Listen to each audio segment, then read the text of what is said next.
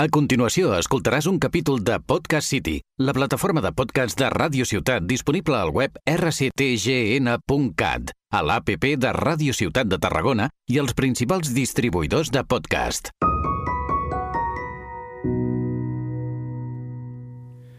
Eh, tío, ¿y a ti ya se te ha caído la polla de leche? Es que a mí todavía no me ha salido el pollón y me estoy rayando un poco.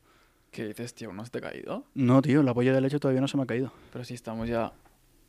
Es febrero, tío. Es época ya. Ya, tío, no sé. En plan, la he tenido toda mi vida y tal, pero es que ya, ya llega. ya- coño, está muy pequeña, ¿sabes? Y ya quiero que me salga el pollón, ¿sabes? Como el de las pelis porno. Hostia, bro, Fes, tú mira, eh, yo ya lo tengo hace ya un rato. De hecho, me ofrecieron, el otro, el otro día me ofrecieron como otro, ¿sabes? En plan, oye, te lo damos. Y en plan, no, no, ya, ya lo tengo, como repe, ¿sabes? No, no lo quiero. ¿Algún consejo para que se me caiga? Rollo como los dientes, ¿sabes? Que en plan que le atas una puerta y lo sacas. No sé, yo estaba jugando LOL desnudo y, y no sé. Se dropeó, simplemente, ¿sabes? Bueno, bienvenidos a Diario de un Becario.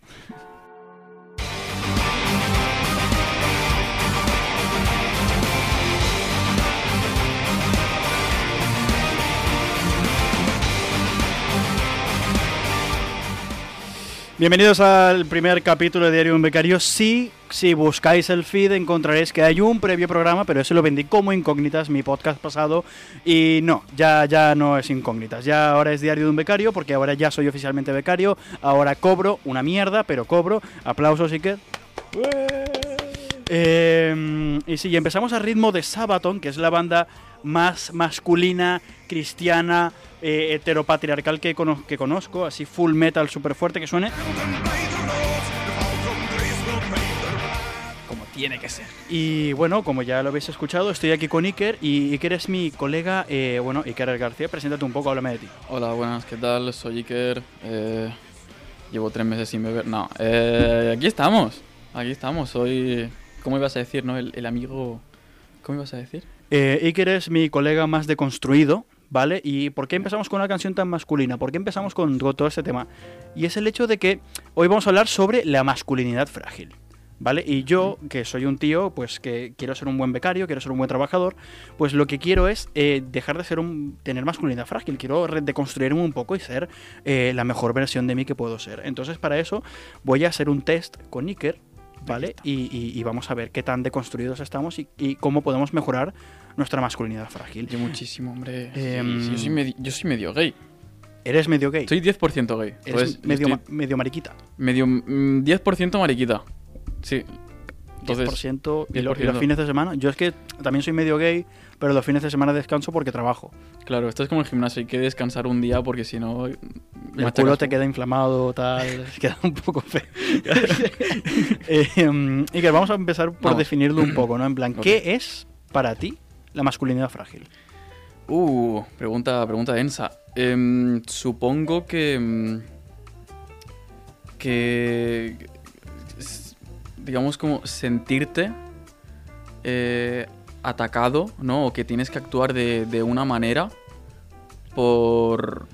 voy a decir como por, por roles de la sociedad en las que se supone que tienes que actuar de una manera y o que el mundo tiene que verte de cierta manera entonces cuando se rompe digamos esta continuidad eh, te hace sentir incómodo de alguna manera no sabes eh, bien por qué no pero no puedes evitar sentirte incómodo o atacado podríamos decir no algo así Sí, bueno, yo, claro, yo lo que entiendo por masculinidad frágil es básicamente toda esta actitud de machito, eh, hetero, bla, bla, bla, y mm, cualquier cosa que te haga ser relativamente menos masculino que entendemos, eh, o, al menos la gente que es masculinidad, eh, bueno, frágil masculinamente hablando, entiende que ser un poco femenino es la, ante- la antiposición a ser masculino.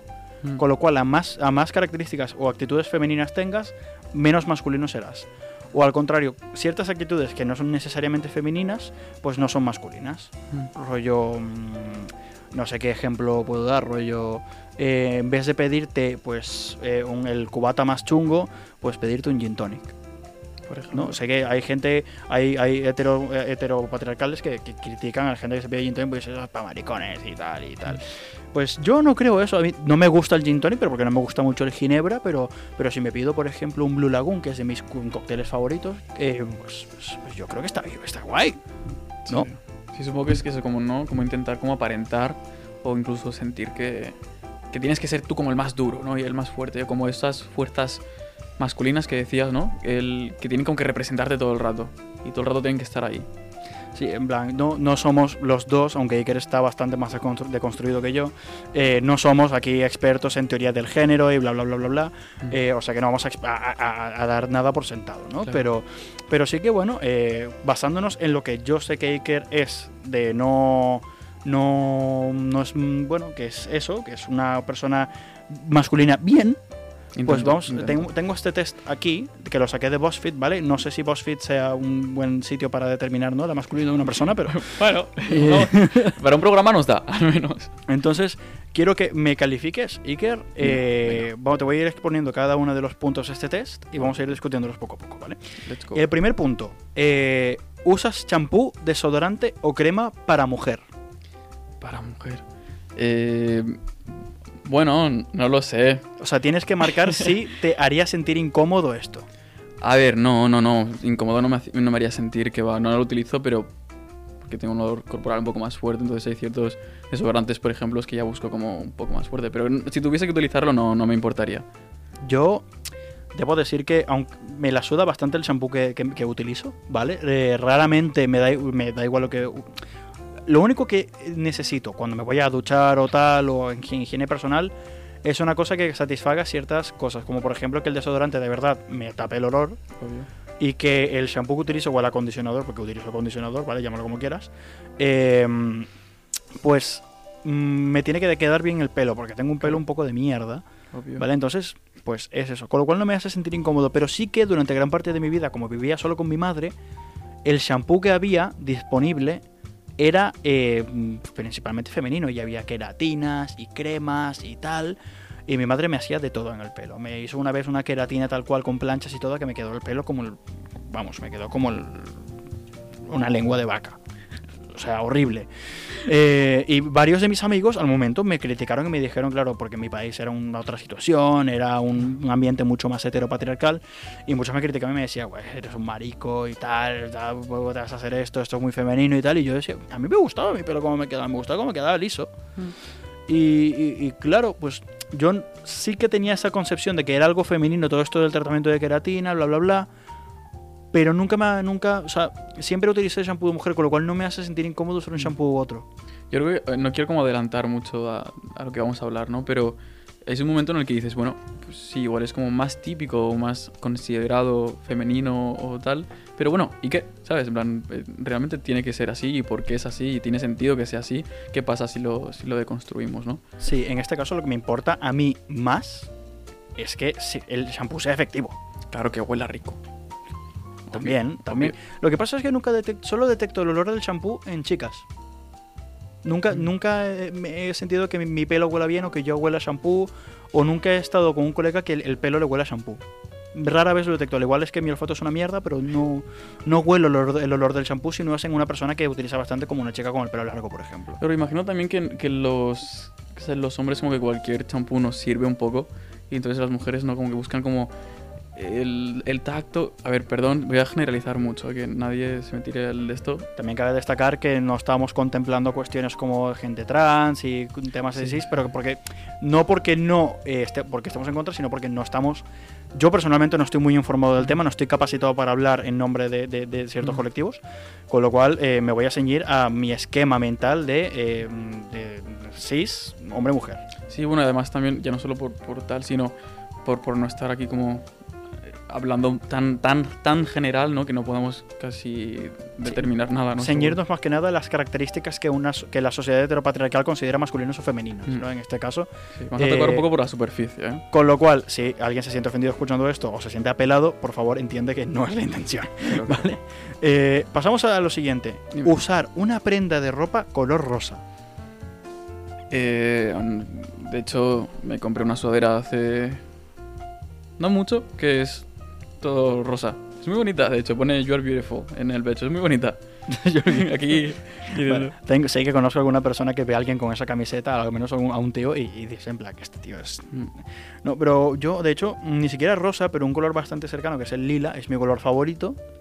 Y me gusta. Si yo pudiese vestir full de lila siempre, una camiseta o una sudadera cada día de lila, lo haría perfectamente. De hecho, mi, mi, mi americana favorita, todas mis americanas, son negras con algún detalle lila, o es lila pura, o es eh, blanca con detalles rosas. Y, y me gusta mucho esa paleta de colores para mi ropa y mi vestimenta formal. Mm. Para mi vestimenta normal, bueno, tiendo mucho al negro porque soy un básico de mierda, pero, pero bueno, es lo que hay.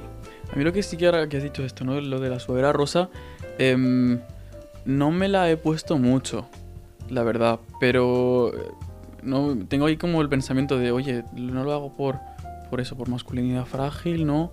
Y, y creo que no, sí que es verdad que o sea, he llegado como para convencerme, digamos, a decir, bueno, es que yo realmente no he visto con colores claros. Entonces creo que es un poquito eso, ¿no? Sí que concretamente con este punto encontré una amiga, tuvo una experiencia una vez que le regalamos una sudadera. Era una chica que tenía, entendía bastante la masculinidad, ¿no? Como el, el- el tipo, el típico heterobásico la llamaría que era una machirula. Eh, y ella le regalamos una por su cumple, una sudadera lila, bueno, con varios detalles así con estos colores pastelados, y la destiñó. La destiñó entera a posta porque decía que no le gustaba porque era un color muy, muy de chicas, muy de tal y que no le molaba. Y la destiñó y luego le hizo un poco su diseño. Y, me parece gracioso eso de que se habla mucho de masculinidad frágil, pero nunca he escuchado hablar. Y no rollo de la misma forma que alguien dice, en plan, bueno, mucho que celebran el Día de la Mujer, pero no el Día del Hombre. Pero me parece curioso que no he visto nunca hablar sobre, mas- sobre feminidad frágil. En plan, no conozco ejemplos. Eh, bueno, no sé, supongo que, que el tema es de construirse tanto eh, hombres, mujeres, eh, habl- Y toda gama de, de- de- Eh, de identidades, ¿no? Efe- Efectivamente, no, pero sobre todo como estos como que están más marcados, poder o intentar cada vez más eh, alejarnos de lo que es el rol de cada uno, al final también para hacernos más libres eh, a cada uno. Yo creo que sin, sin quererlo, tanto si te identifican los demás como un hombre o como una mujer, tienes que, que actuar de ciertas maneras que, que te hacen, bueno, te, te cohiben un poco la libertad, te des cuenta o no. Entonces, es, bueno, es un debate muy, muy amplio y demás, que tampoco vamos a entrar en eso, pero, pero sí, sí, mm, es denso. Todo esto de los roles de género y demás es algo muy, muy denso. Claro, eso parecería otro tema para otro podcast, pero bueno. Siguiente punto. Que te digan que pareces gay. ¿Te incomoda o no te incomoda? Mm, no, no me incomoda, de hecho me lo han dicho, hace ya años fue la primera vez, y la primera vez sí que me, me impactó, ¿no? Porque eh, yo sabía que esa persona lo, lo decía, lo quería decir como para, para molestar, Despectivamente, ¿no? efectivamente, no, no, sí, sí, no lo decía por mi orientación sexual, lo decía por intentar molestar, eh, despectivamente, pero, pero no, no me molesta. De hecho, hasta me parece triste, ¿no? Que alguien utilice este tipo de... Bueno, es- esto como un insulto, Yo ¿no? Me parece absurdo. En mi, en mi toda, durante toda mi infancia y durante toda mi gran parte, claro, era Latinoamérica, es una sociedad extremadamente eh, homofóbica y, y heteropatriarcal. eh, que te dijeran que pareces gay era básicamente una era un ataque directo a tu a lo que se consideraba masculinidad y era básicamente decirte a- a- apelar a que eras débil en algún sentido rollo la típica que dicen el último en llegar es gay Ya. pues cosas así. Y, y sí que debo decir, durante gran parte de mi vida me incomodaba. Y cuando ya llegué aquí a vivir a España y tal, y con el cambio cultural, el choque y tal, y acepté mi bisexualidad, es que me digan que parezco gay, eh, llega un punto que es como preguntar en plan, ¿pero qué tanto? Rollo, porque si no mucho, pues tengo que, eh, tengo que impulsarme más, ¿no? En plan, tengo que aparentar ser, tengo que tirar rosas y tengo que ser más afeminado, ¿no? Pero sí que, claro, para ser gay en actitud o para ser gay en vestimenta. Yo para ser gay en, ve- en vestimenta, como, se, como, ¿no? como está visto en la sociedad, no, porque no me, no me he visto así, visto, como ya he dicho, he visto muy básico y creo que no he visto ni muy masculino ni muy eh, ni muy homosexual, mm, visto muy muy muy muy, muy NPC. Yo, yo te como bastante masculino, digamos, ¿sabes? O sea, no es como vas con camisetas de Playboy, ¿sabes? No, no, no, No. es eso, no es eso.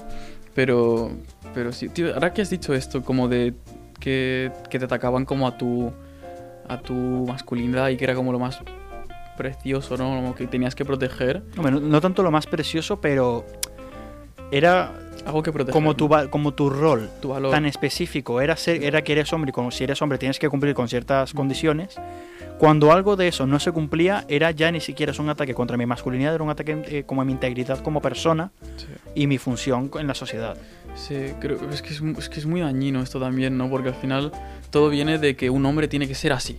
Si no lo eres, es malo, ¿sabes? Y ahora otra cosa que has dicho después de lo de eh, el qué tanto, ¿no? Qué tanto parezco como para rebajarlo un poco. Tío, esto creo que nunca se lo he comentado a nadie porque, mira, no sé.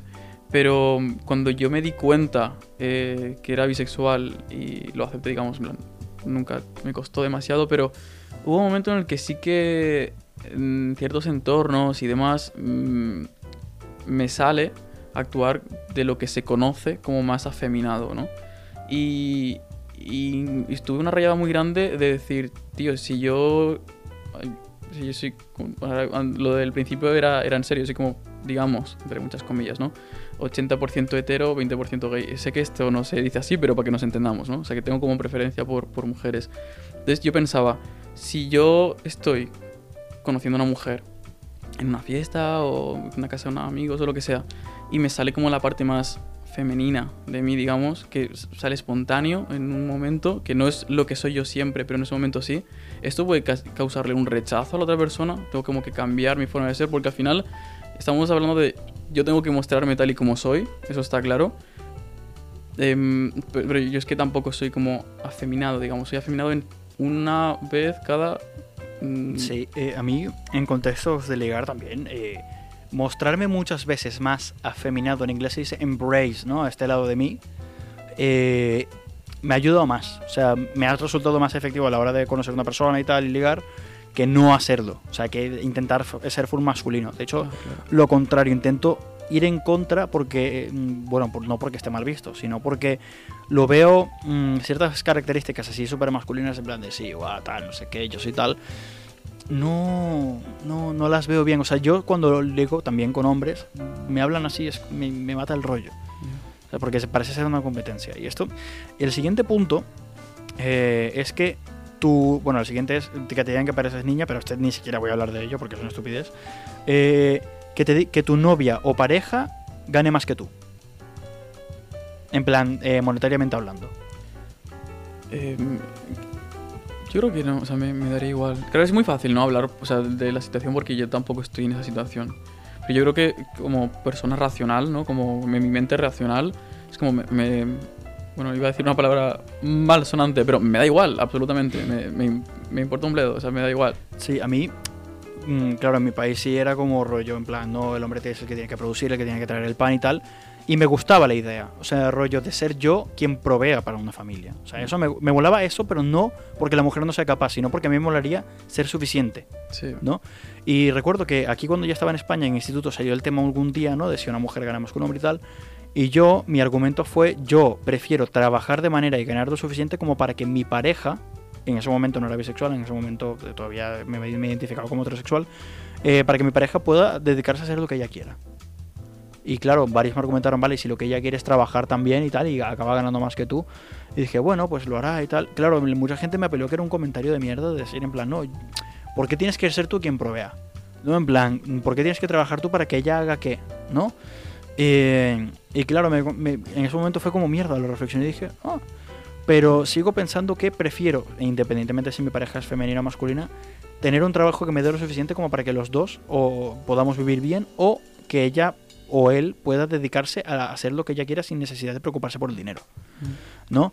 Claro, también apela a otra cuestión de que si mi pareja gana más que yo, sí que me incomoda un poco, no porque sea mujer, no porque yo tenga que demostrar algo como hombre, sino por el hecho de que eh, me apeló un poco el hecho de a este deseo de querer ser el que pueda ser más suficiente para todo el mundo, proveer a todo el mundo. Y es más un deseo de Mesías que de hombre. Es un deseo de yo quiero eh, que todo el mundo esté bien a mi alrededor. Con lo cual, eh, que mi pareja gane más que yo me haría sentir incómodo no por el tema de la masculinidad, sino por el hecho de mierda, necesito esforzarme más. Y, y hay quien pueda ver eso mal, pero en- espero que se entienda de, de dónde vengo y la razón por la que... No, aquí es una de esas situaciones donde la razón por la cual te incomoda creo que es más relevante que, que, que- que el hecho de que te incomode. Claro, es que en esta situación entiendo lo que dices. em, es un poquito el. Quiero ser yo, sea mi pareja, o- hombre, mujer, em, asex- o sea, género, perdón, sexual no, a género, lo siento, género no binario, etc, etc. Em, es el. Bueno, es que quiero dar todo lo de mí y, y como todos mis esfuerzos y que mi pareja no tenga como que, que currar más que yo, digamos, ¿no? Sí, Sí. yo prefiero que pueda dedicarse. Y si que lo que quieres trabajar y tal, vale. ¿no?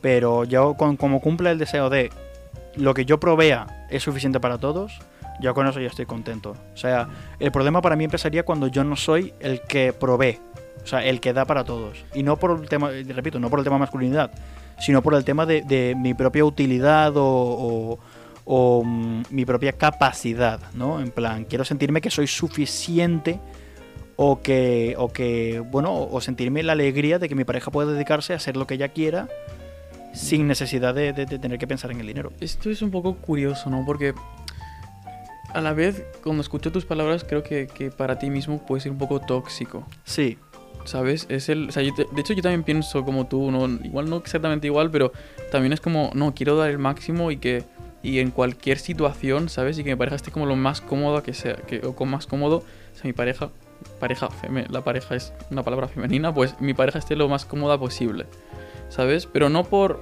por querer yo ser como hombre, tal, sino como, no, es que quiero como cuidarte.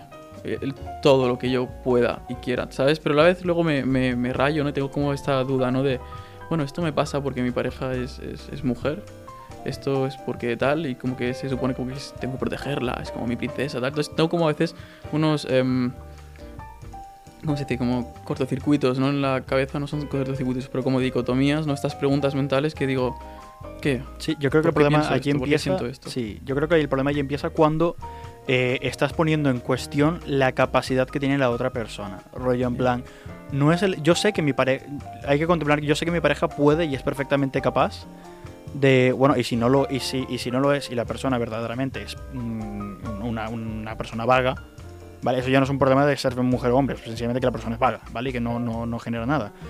Eh, que también digo, el valor monetario, no, no puedes medir a una persona según lo que genere económicamente hablando, ¿no? Pero es eso, es el hecho de decir, eh, coño, eh, bueno, es eso, te- tengo que poder ser suficiente y tengo que demostrar que mi pareja está con una persona que es útil y que es productiva y que hace, y que hace cosas, ¿vale? No que va por la vida viendo qué coño hace. Sí, a la vez creo, un segundo, eh, antes de cortarte, o sea, antes de que sigas, creo que, que repito, creo que eso es tóxico, ¿eh? Y, le estoy como criticando una cosa que yo hago, ¿eh? O sea, creo que esto es tóxico en, en mi caso y en, Bueno, en el, el el objetivo de este programa es de, con- de construirnos un poco, ¿no? Sí. Es darnos cuenta de ello y, y, y o bien eh, cambiar esa actitud o bien darle, un, da- darle el giro. Yo personalmente le doy el giro de eh, no es eh, porque yo tenga que serlo, es el hecho de me puede servir de motivación para impulsarme a ser más. Sí, pero te has dado cuenta que es como acabas de decir, no quiero como, o sea, lo que produzca una persona no determina su valor, pero yo quiero ser el que más produce, ¿sabes? Esto es un poco... Sí, no, es contraproducente, es un poco de sentimiento conflictivo. Me y, pasa, an- me y antes, de, antes de caer en pozos más, más oscuros, Sí. pasemos al siguiente, ¿no? Nos quedamos con esta reflexión y seguimos. Sí, que cada quien se deconstruye a su manera. Eh, hay dos, eh, uno me llama más atención que el otro es que un hombre te abrace. Este la verdad es que no tengo mucha lógica. Eh, me sentiría igual de cómodo que un hombre me abrace de una forma un poco sugestiva que como lo hago una mujer, dependiendo de, de- bueno, de ciertos factores como que la persona me atraiga o no me atraiga, etcétera, etcétera. Que tenga yo pareja o no tenga pareja, bla, bla, bla. Pero que un hombre me abrace verdaderamente me, me- me- me da muy igual. O sea, no, no distingo, para mí es un abrazo, ¿vale? Otra cuestión sería que te den un pico. Pues allí sí que soy un poco más mm, mierda, dependiendo de cómo, ¿no? Pero, pero un abrazo, la verdad es que me la suda increíblemente. Yo me, me, da igual o no dependiendo de quién sea la persona. Es decir, si es una... per- A mí me ha pasado alguna vez que em, yo soy mucho como de saludar con abrazos o con besos o tal, seas y cuando eres como más amigo mío, no distingo, digamos, ¿no? De besos, abrazos, lo que sea. Y tuve una época en la que solo como me relacionaba, me relacionaba con mis amigos y fui a saludar a un hombre de unos 50 años que yo no conocía, era la primera vez que tenía ese contacto con él, y sin, sin pensar yo le fui a darle dos besos. Y yo lo, lo noté incómodo, ¿no? Y yo incluso me sentí incómodo porque pensé, hostia, sin querer he invadido una, una privacidad, digamos, que eso en una mujer que no conozco no me pasa porque ella ya asume que voy a hacerlo. Entonces ella tampoco se siente violenta. Entonces no es que estoy invadiendo, invadiendo su privacidad, sino que ya hay como un contrato no escrito que es como son dos besos pero no estás invadiendo su privacidad. Repito, generalizando mucho y demás, ¿eh? Claro, claro, claro. Eh, dicho eso, el siguiente punto es eh, disfrutar de comedias románticas. Ah, no, bien. O sea, Yo, Cada uno a le ver, guste lo que- personalmente no me gustan, pero porque a mí en general el tema del romance, dependiendo de cómo esté escrito, me mola mucho.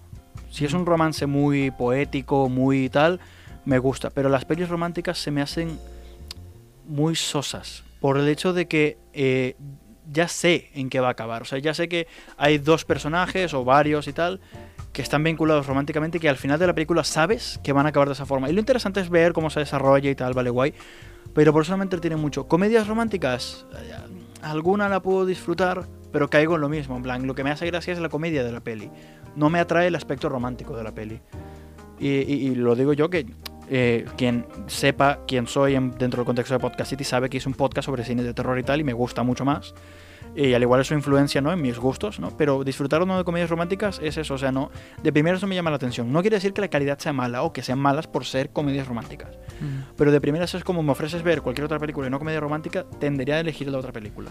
Claro, esto a mí me, me pasa también, ¿no? Creo que es un poco, pero más por, por las tendencias de nosotros mismos. Y de hecho yo creo que las tendencias generales de cada, eh, de cada género, ¿no? Por eso estamos identificando como eh, comportamientos masculinos y femeninos, porque la tendencia natural de X eh, género es esto, que le gusten estas cosas, tendencia general, repito, general. Eh, entonces yo creo también una cosa que comentabas, ¿no? Que se te hacen como lentas, aburridas o tal, puede ser, o sea, creo que... que en- en- Bueno, no lentas o aburridas. La peli puede ser muy buena, ser, tener un buen ritmo, todo. Pero es el hecho de que el propio. El romanticismo me gusta más si no es el, el plot, o sea, el objetivo de la- del, del tema central de toda la película. Si es un aspecto o una motivación para el personaje, me gusta.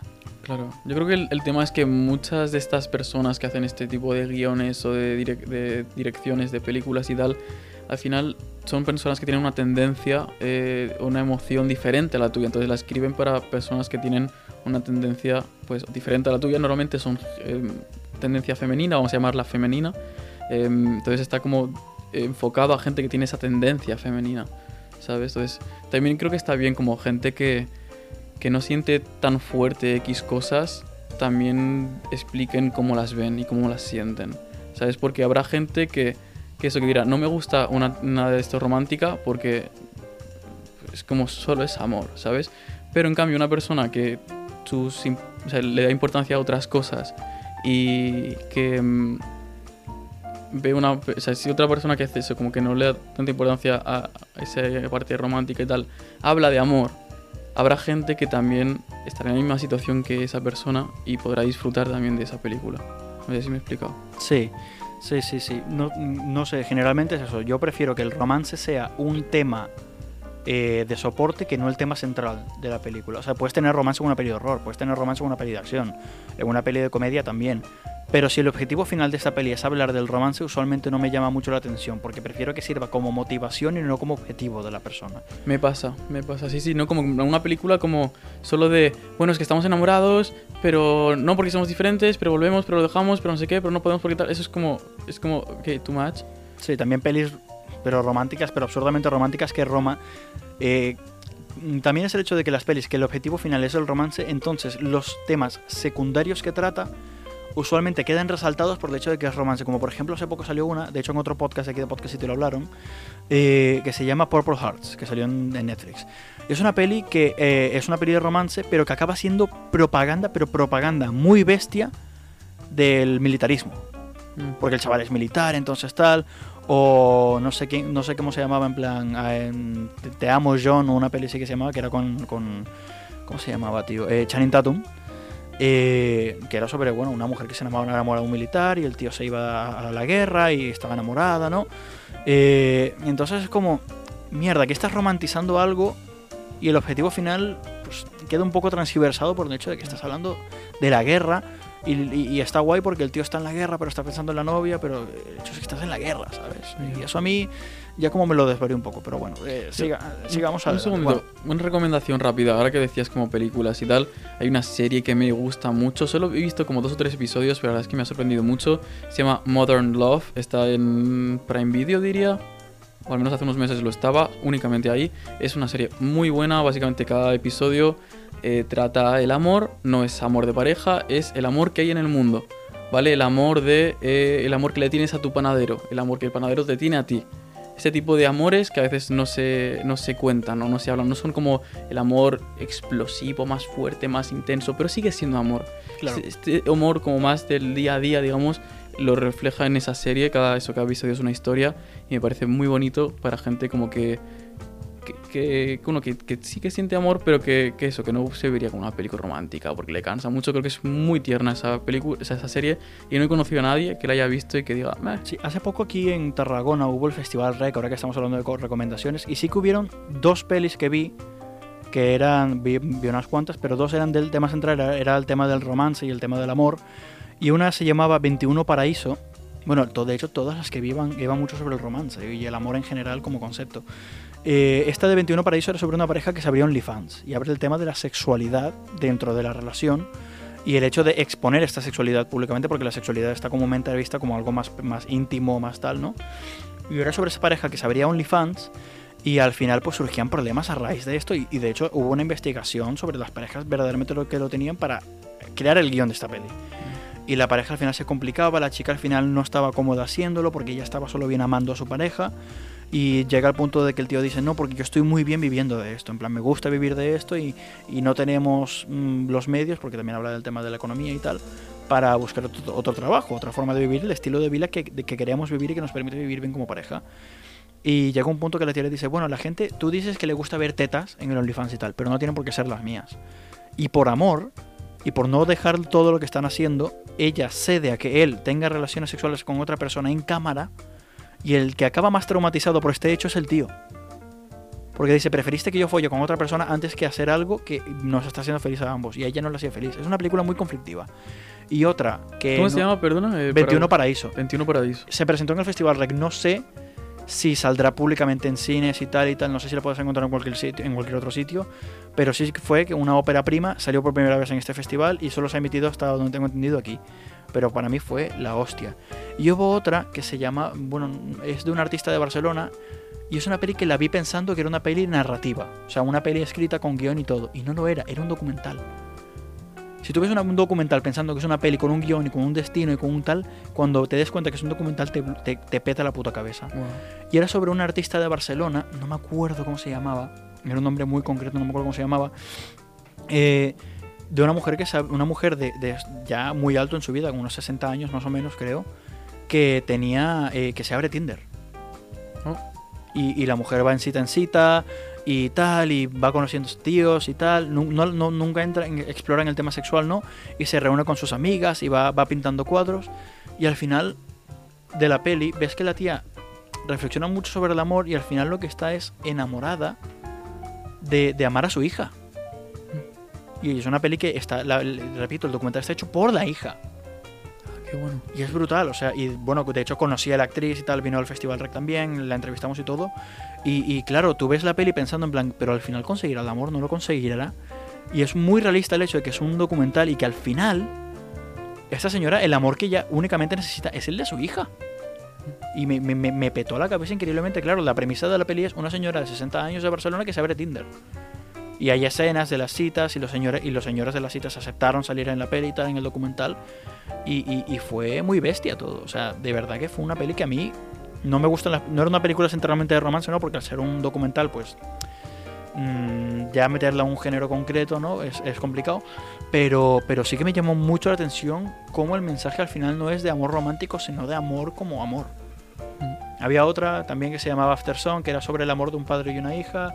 Y sí que está grabada más o menos como documental, pero es, es muy bonita. Es una hija que está recordando el último viaje que vivió con su padre cuando era pequeña antes de que muriese de una sobredosis. Esta película creo que está nominada a los Goya, creo. Está nominado, para mí está nominadísimo, es, es brutal. O sea, es. A mí, mm, yo no lloro con las pelis, tiendo a no hacerlo. Salí llorando como una perra, pero horrible. Salí llorando porque es, es fuertísimo como el padre no tiene dinero, le está dando unas vacaciones a su hija, la cuida mucho, hace de todo por ella, pero está luchando internamente muy bestia con sus propias cosas y el tío acaba muriendo de, de, una sobredosis. La hija lo ve morir y lo último que ve el tío antes de morir es a su hija, que ya, era, ya es adulta, la ve morir sea, e- él- e- ella lo ve morir a él y él lo último que ve en los flashes de una discoteca que es donde estaban es lo último que ve de él es un frame de su hija cuando era pequeña. Y ya cuando y, la última escena de la peli es él despidiéndola a ella en el aeropuerto porque se va del viaje y tal, y él la despide, se voltea la cámara, se lo ve él, él cierra la cámara, porque la peli está grabada en la cámara del padre, cierra la cámara y es él caminando hacia unas puertas, se abre y se ve las luces de la discoteca. Y allí cierra la peli. Y, es un trago de, es un baño de agua fría muy bestia, tío. Antes de seguir, recomendación rápida. Si queréis llorar, yo nunca lloro, por eso voy a recomendar esto. Aquí lloré. Episodio 2 o 3, final. O sea, el, el final del episodio 2 o el 3 de la serie La Veneno. No voy a decir nada, lloráis. Mm, Yo no lloro, lloré. Junto, seguimos. Yo no lloro, tío, yo soy hombre, tal, no sé qué. Em, cantar canciones o escuchar canciones de artistas femeninas. No, no, no, que va, me da igual. O sea, me- A mí me da. Sí que si ves mi lista de Spotify es un, un campo de nabos. Escucho casi únicamente canciones de hombres. todos mis artistas favoritos son todos hombres. Eh, no me desagrada escuchar música en femenino. De hecho, también escucho música en japonés y la gran mayoría son de, de, eh, artistas femeninas. Eh, pero no la escucho precisamente. Pero bueno, bueno, porque mis gustos han ido articulando de una forma, pero no me incomoda escuchar música femenina. Sí que artistas como, por ejemplo, Rosalía o o Bajia, lo de estas no me agradan, pero es más que nada las temáticas que tratan, no tanto el hecho de, que, de escucharlas o no escucharlas porque son mujeres. Nada, Bajia, el increíble, hace unos temazos, ya está, siguiente. No me, no me apelan mucho. Sí, sí. Eh, mm, tener la voz aguda. Uh, wow. Eh, me, me causa incomodidad. Sí, porque es, es- esto es... No digo que esté bien, ¿eh? Eh, pero digo que sí que a veces siento que, mm, que estoy muy por debajo, de alguna manera, ¿no? Como que me estoy mostrando de una manera muy débil. Eh, ¿No? Eh, yo qué sé, cuando vemos una película o lo que sea, un niño pequeño es como tiene algo débil, flojita, o sea, débil como frágil, o sea, frágil, eh, aguda, perdona. Entonces es como que lo atribuyo un poco también a eso. Entonces supongo que también, no sé exactamente si lo atribuyo como a ser un niño pequeño o a ser como el prototipo de eh, mujer débil con la voz súper aguda y tal. Hablo de prototipos y de generalizaciones y demás, ¿eh? Pero sí que no, no, me, no me gusta. Pero no, claro, no sé identificar si es por, por, por identificarme como una mujer, o sea, o por... por Claro, por sí, sentirme- sí, no lo entiendo. decirlo, A mí sí que me pasa que eh, escuchar a otro, mm, otro tío, identificado como tío, heterosexual y todo, súper masculino, tal, eh, hablando en una voz extremadamente aguda, me resulta curioso, pero, o sea, no me incomoda, pero me resulta algo como curioso, porque considerando que biológicamente hablando, ¿no? Tener más testosterona o estrógenos o tal, como tú seas, la masculinidad tiende a tener a hombres con voz, de hecho te lo enseñan cuando te enseñan de sexualidad de pequeño, ¿no? Que se tiene que alguien argumentará que la sexualidad está mal enseñada, que hay, hay que cambiarla, sí, pero bueno, no estamos aquí para debatir eso. El punto es que cuando te enseñan sexualidad de pequeño, eh, muchas veces te dicen que cuando crees casi tal y el hombre se desarrolla y pasa por la pubertad, su voz será de más aguda a más grave. Y cuando eso no pasa, por, me llama la atención. Lo veo como, hostia, algo pasó en su desarrollo o algo tiene hormonalmente que no, no desarrolló una voz grave. No sé, me llama la, me llama la atención. Como si, como si no fuese adulto, ¿no? Un poco. O simplemente te hace. A ver, también. Es, es como sorprendente, ¿no? Un poco. Sí, cuando, a ver, si ves un- en, en pelis pasa mucho que te hacen la coña de un hombre súper súper musculoso, tal alto y tal, y de repente te habla y habla así. Sí, pero- Y es como me cago en la puta, ¿qué cojones? No? Y, y- y, eh, se, se me hace. Supongo que es una cuestión ya no de cómo creciste y cómo estás ar- articulado mentalmente. Y es que como los ves a los dos, Mm. no sé, para mí son incompatibles, pero es una cuestión más visual y auditiva que cualquier otra cosa, no tanto de género. Yo no lo sé. Yo, yo siempre intento pensar, como he dicho antes, ¿no? Como. Creo que es de aquí, pero. mm, mm, no puedo asegurarlo. Y si no, ¿sabes? Entonces, ah, me callo y seguimos. Em, vamos a pasar aquí como penúltimo a el, a- al que creo yo es la característica más de- debatida sobre masculinidad frágil y tal, y lo que si te dicen y reaccionas mal es que eres- tienes masculinidad frágil y es tener el pene pequeño. Uh, wow. Ya, sí, este sí. es chunguísimo porque este es un, es- esta es una trampa cazabobos. Sí, sí, sí. Bueno, casetero básicos. Eh, mira, lo, lo voy a decir, tío. Lo, lo voy a decir. Em, yo estuve con una, con una chica hace mucho tiempo. Bueno, no hace tanto realmente. Pero que, que así, pues, no sé, pues me dijo que, que su pareja tenía pues, el pene más, más grande que yo, ¿no? Y de hecho incluso dijo que era muy grande.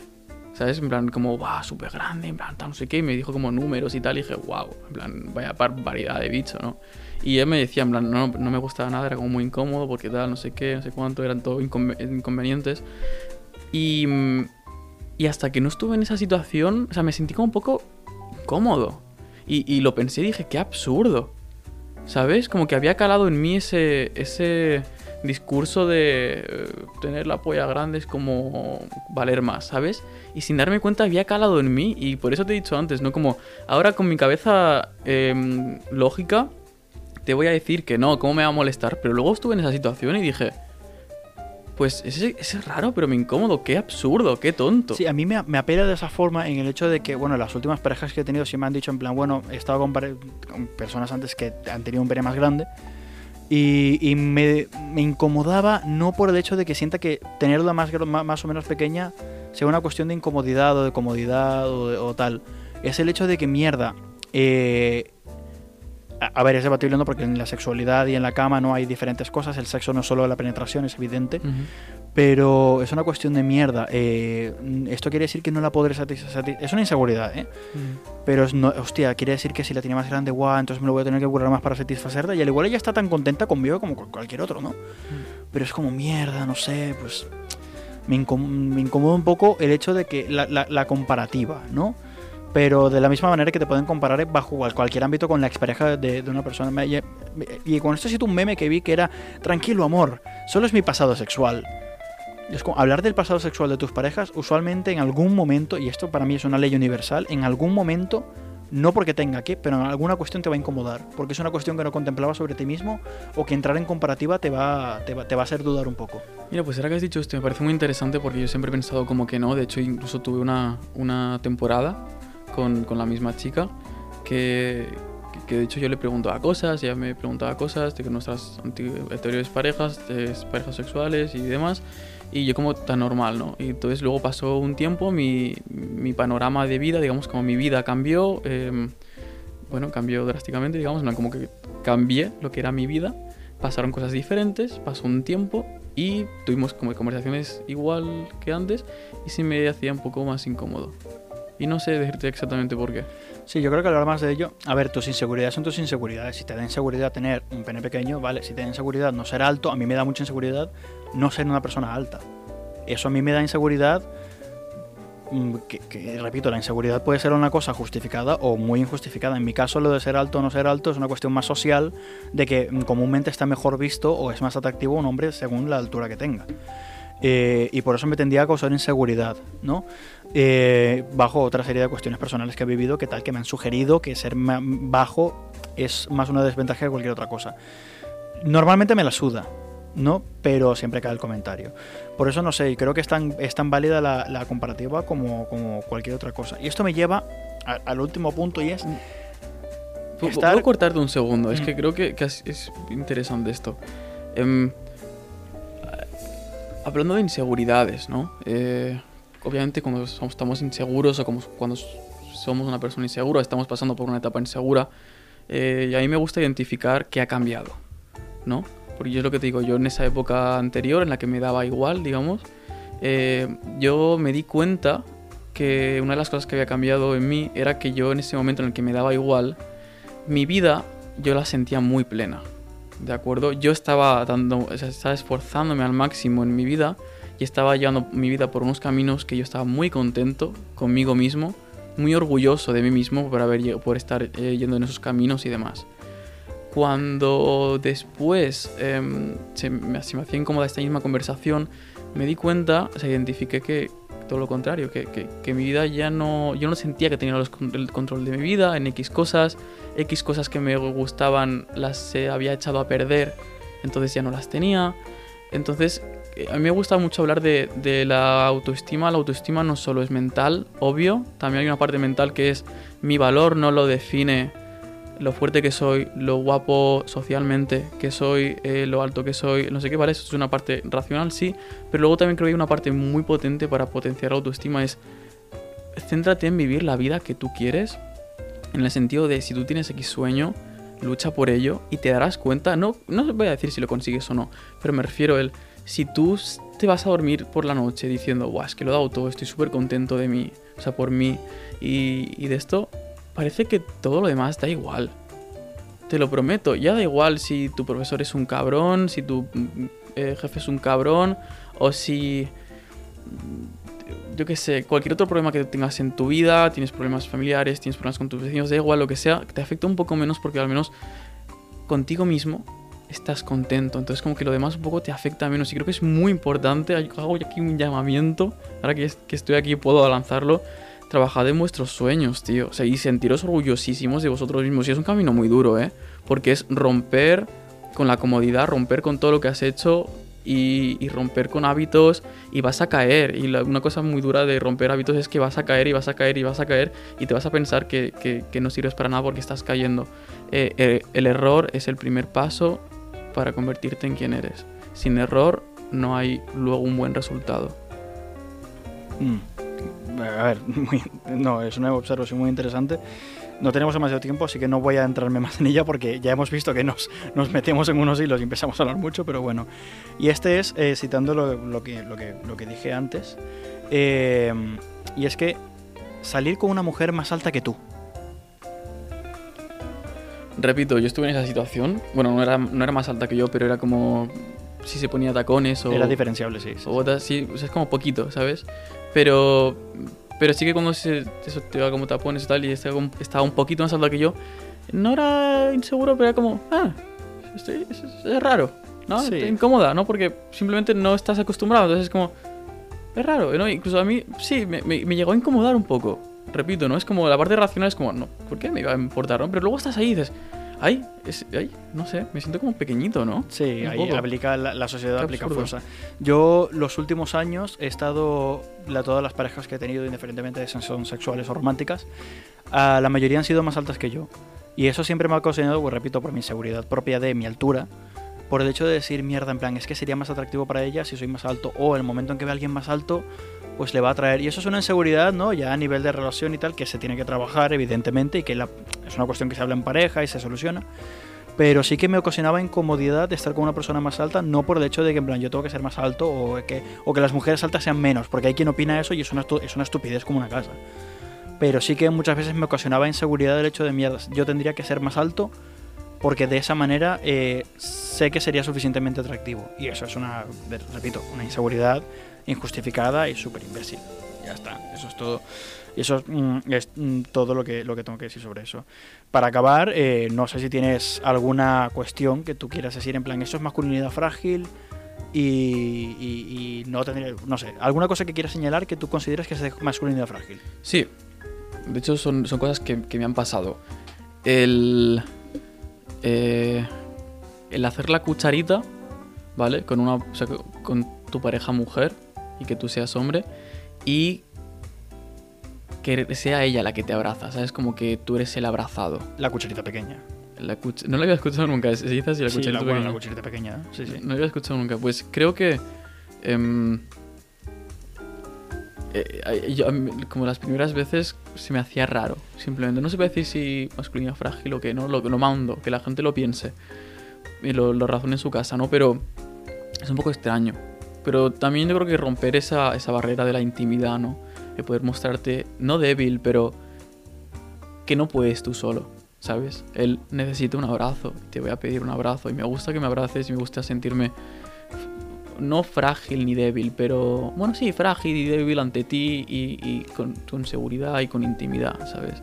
Creo que eso es, es duro, no, sé, no hablo de masculinidad frágil aquí, no sé, pero creo que mostrarse así como débil Sí. o vulnerable, ¿no? Sí, O ahí está. es Bueno, ahí apuntas a lo que quería señalar yo y es el hablar de las emociones del, de- de del hombre.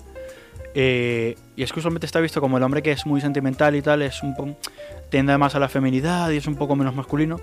Y yo mm, no lo creo, yo firmemente no creo, yo creo que cada quien debe hablar de sus sentimientos como los tenga y como los sienta, así que no deberías abusar y siempre estar hablando de tus sentimientos, porque a veces tienes que pararte y entender a la otra persona, ¿no? Y, y que tus sentimientos muchas veces o no están justificados o sencillamente no puedes basarlo todo en lo que sientes. Absolutamente, qué bueno eso que has dicho. Pero, Sí, sí. pero claro, sí que me pasa a mí lo contrario y es que muchas veces expreso mucho mis sentimientos para denotar no que soy débil o, o denotar mi vulnerabilidad, sino para denotar lo contrario. Hablo mucho de mis sentimientos para reforzar la fortaleza emocional que puedo llegar a tener. ¿Vale? Que puede ser una mentira, puede ser un mecanismo de reacción de actuar de una forma diferente como en verdad eres para denotar lo contrario. Y, y me pasa mucho y, y lo hago inconscientemente y luego me doy cuenta en plan de por qué verdaderamente estoy hablando de esto que siento. Es porque quiero que me vean lo vulnerable que soy o porque quiero que me vean lo fuerte que estoy siendo. Claro, ahí la. ¡Uh! ¡Qué rayada, eh! Es, es, es, es jodido de cojones. Qué Entonces, rayada. claro, y hay quien piensa en plan, no, porque hablo de mis sentimientos, pues soy más fuerte. No, no, y, y- y me pasa, llega un punto que es como en plan, no es que yo sea vulnerable, es que hab- hablas mucho, tío. Sí. Entonces, no sé, eso lo que lo quería señalar. Mm, hay que encontrar el punto medio, no, no por hablar mucho de tus sentimientos, eres menos masculino, pero hablar mucho de, de ellos, al igual puede tener el efecto también contrario. Sí, además, eh, cambiando ligeramente de tema de, lo, de esto que comentas, eh, bueno, fijaos en la gente cuando están como todo el rato intentando decir como, ¿ves? Como intentando demostrar que son muy fuertes y tal. Realmente esto, esto no es palabrerío, esto es verdad, es para autorreforzar su autoconfianza. Entonces, eh, sí, absolutamente. O sea, si, eso, si estás diciendo una persona que es como, ¿ves lo bueno que soy? No sé qué. De alguna manera es, es- es- claro, es difícil, ¿no? Porque de alguna manera es como, claro, lo está haciendo para demostrar qué tal, pero igual no lo está haciendo para demostrar, como para autocreerse la- ese, ese chaval que dice eso, sino para demostrar en plan, oye, quiero que, que me veas que soy de esta manera y para que entiendas que soy así, pero no por, ¿sabes? Por decir, para que me admires o para yo creerme que soy tal o que lo he conseguido, no, sino simplemente como, oye, verdad que estoy en este punto, estoy en este nivel. Entonces siempre es complicado, ¿no? Claro, claro, claro. Es complicado, es Pues complicado. dicha toda esta conversación y quien haya aguantado el podcast hasta este minuto, Iker, te quiero dejar con una pregunta y que voy a hacer a cada invitado que tenga. Eh, y es, ¿cuántas pollas crees que puedes chupar hasta que votes? Es que ya sabía que digo, no va a ser una pregunta. Acabemos en un tono más cómico, ¿no? Em. ¿Cuántas pollas crees que puedes chupar hasta votar? Aquí, deconstrúyete. Pero a la vez no, claro, ¿no? O sea, una tras otra. Eh, eh, tienes un montón de enfrente, infinitas enfrente. ¿Cuántas puedes chupar hasta el momento que no puedas más? Pero no son todas a la vez, me refiero, no es como... No, no, no te van a caber todas a la vez. Claro, por eso me refiero. digo, Una, tra- una tras otra. una tras otra. A ver, claro, es que depende de la profundidad, y depende del diámetro y depende de todo, ¿no? Tamaño estándar, 3 centímetros. Eh, ¿Cómo tres? Dos, ¿no? mucho, ¿no? ¿Tres? Pero una polla, no un portaaviones, ¿sabes? Relájate, tío. Eh, mira, no tengo ni idea. Voy a decir 69 porque soy un básico y soy muy gracioso. Así que es que no sé qué contestar, tío. 69, perfecto. 69 pollas. Ya sabemos que Iker tiene una- un aguante un poco desconmensurado. Ya, ya veremos qué, qué- qué- qué responde la audiencia que haya aguantado el podcast hasta aquí. Os voy a dejar con una canción de Panic at the Disco llamada Lying is the most fun a girl can have without taking her clothes off. Traducida, para quien no entienda bien el inglés, es Yo. mentir es lo más divertido para una chica sin tener que, quitarte la, sin tener que quitarse la ropa. Wow. Y es una canción que escucharía el típico heterobásico incel y demás, eh, eh, pero es irónica. O sea, el, la canción, el tono de la canción es irónico, ¿vale? Eh, la letra no es precisamente sobre lo que está diciendo el título, pero es una frase que quiero en la que penséis. Además me gustaría mucho analizar todas las capas que tiene esa letra. Es, es- es una canción interesante. Wow. Dicho esto, Iker, gracias por venir a Diario de un Becario y nos vemos la próxima vez cuando quizás tenga sexo en el programa. Nos vemos. ¿Cómo? Toma. Lights are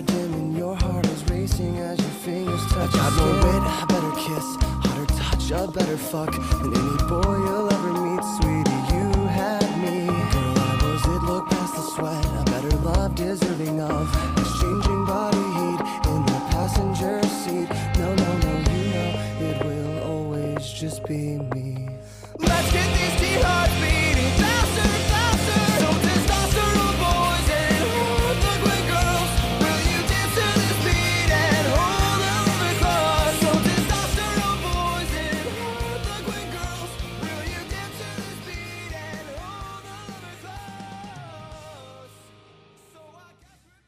Has escoltat un capítol de Podcast City, la plataforma de podcast de Ràdio Ciutat disponible al web rctgn.cat, a l'APP de Ràdio Ciutat de Tarragona i els principals distribuïdors de podcast.